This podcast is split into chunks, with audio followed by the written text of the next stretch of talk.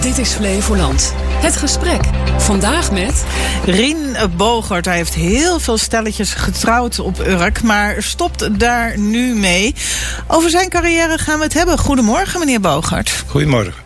Ja, we kennen u ook als uh, oud-gemeentesecretaris van de gemeente Urk. Daar komen we nog even op terug. U bent ook uh, oud-statenlid van de SGP in Flevoland. Daar komen we ook nog even op terug.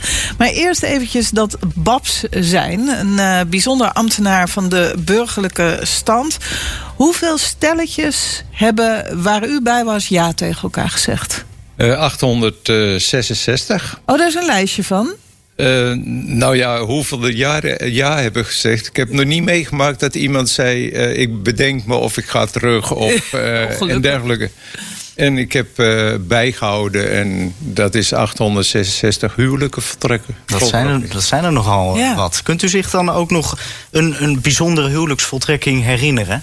Ja, genoeg. Genoeg. Daar kan ik een hele morgen bij wijze van spreken mee vervullen. Maar... Uh, er zijn uh, hele mooie huwelijksvoltrekkingen waar je goed contact hebt met, de, met het bruidspaar en, en de, de, mensen die ze meebrengen. Maar een van de uh, leuke dingen vond ik wel dat. ik vraag altijd aan het begin, voordat we starten.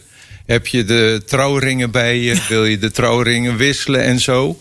En toen zei de bruidegom, uh, nou, we hebben in een doosje zitten. Nou, het doosje werd tevoorschijn gehaald. En wat bleek dat er maar één ring in zat. En uh, toen zei de bruid van... Oh, dat is uh, mijn ring die erin zit. Die moet je straks om mijn vinger doen, maar waar is de jouwe? Ja.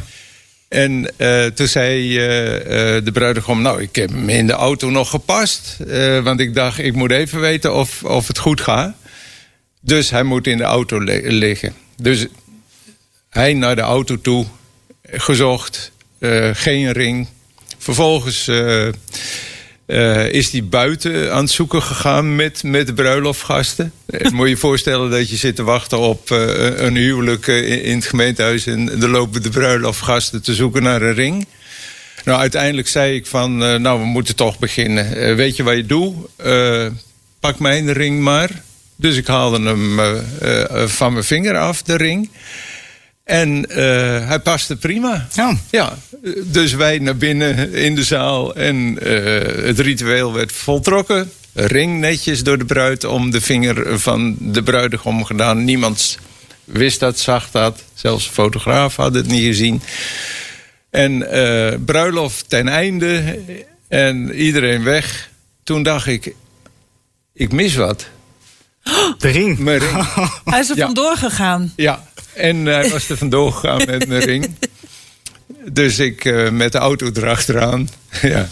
En uiteindelijk, eh, waar zij stopte, heb ik weer mijn ring teruggekregen. Maar hij zei van, ja, ik heb het niet gevoeld. Ik heb het helemaal niet gevoeld dat Oh. ik jouw ring eh, bij me had. Maar heeft de bruidegom uiteindelijk nog zijn eigen ring teruggevonden Nee. in de auto? Nee, heel dat is wel vervelend. eh, Ja. eh, eh, niet meer boven water gekomen. Raar, hè? Ja. ja. maar u heeft, u, heeft nu de goede, toch? Ja, ik heb mijn eigen ring. Ja, dat is wel prettig om eventjes te Ja. checken.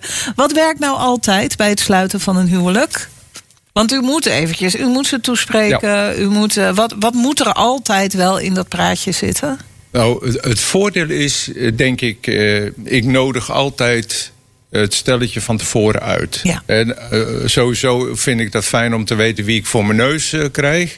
En twee, eh, of we een klik met elkaar hebben. En ja, je moet je toespraak houden. Dus dan heb je een gesprek en dan kom je aan diverse ingrediënten.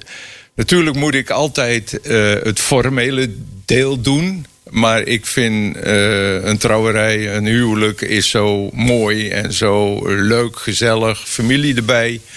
Ja, dan eh, wil ik toch een persoonlijk woord er ook in leggen. En eh, dan moet ik echt gaan vragen. Ik besteed daar aan elk huwelijk, durf ik wel te stellen, heb ik veel tijd besteed.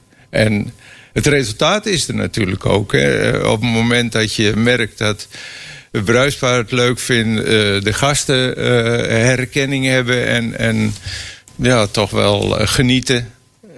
dan, dan denk ik, ik heb weer mooi meegewerkt aan datgene wat zij willen. Hè? Nu heeft u een, een lijst bijgehouden met het aantal huwelijken dat u gesloten heeft. Houdt u ook bij hoeveel huwelijken dan stand houden? stiekem wel, ja. Echt? ja.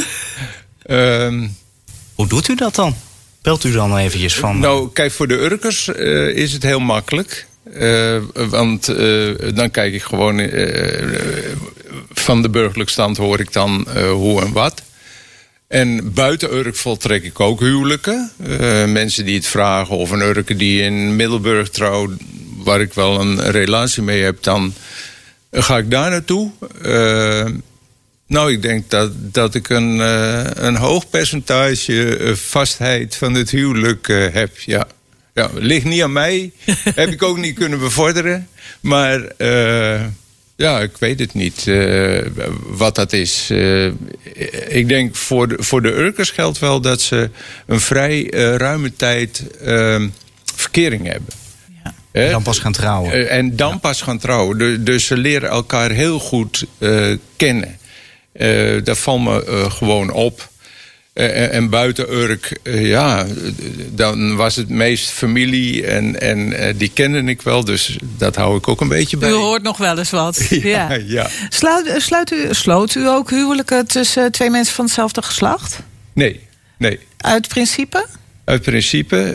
ik denk, een huwelijksvoltrekking moet heel prettig, ontspannen, gezellig zijn. Dan moet je ook aanvoelen wat er is met het bruidspaar.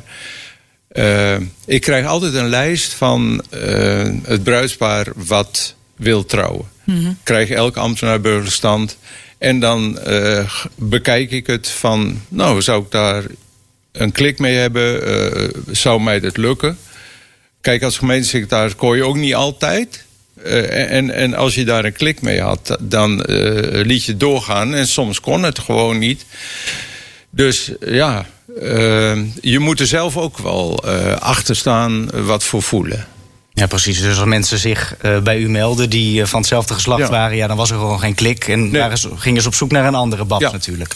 Ja. ja. nu bent u 70, heb ik begrepen inmiddels. U bent gemeentesecretaris van Urk geweest. U heeft nog in de Staten van Flevoland gezeten voor de SGP. u stopt nu als, als babs, daar bent u mee gestopt. Maar dat betekent nog niet dat u lekker van uw pensioen gaat genieten, heb ik begrepen. Nee, ik, ik probeer toch dienstbaar te zijn. Dat klinkt ouderwets, maar ik wil gewoon helpen. Uh, hoe heet het? Ik doe veel vrijwilligerswerk. Ik ben, hoe heet het, ook nog voorzitter van de psychosociale zorg. De buitenhaven van Urk, daar heb ik me altijd voor ingezet. En die moeten gewoon komen. Kortom, ja, ik heb genoeg te doen. En als ik niks te doen heb, dan ga ik schrijven. Uh, ik heb natuurlijk ontzettend veel meegemaakt.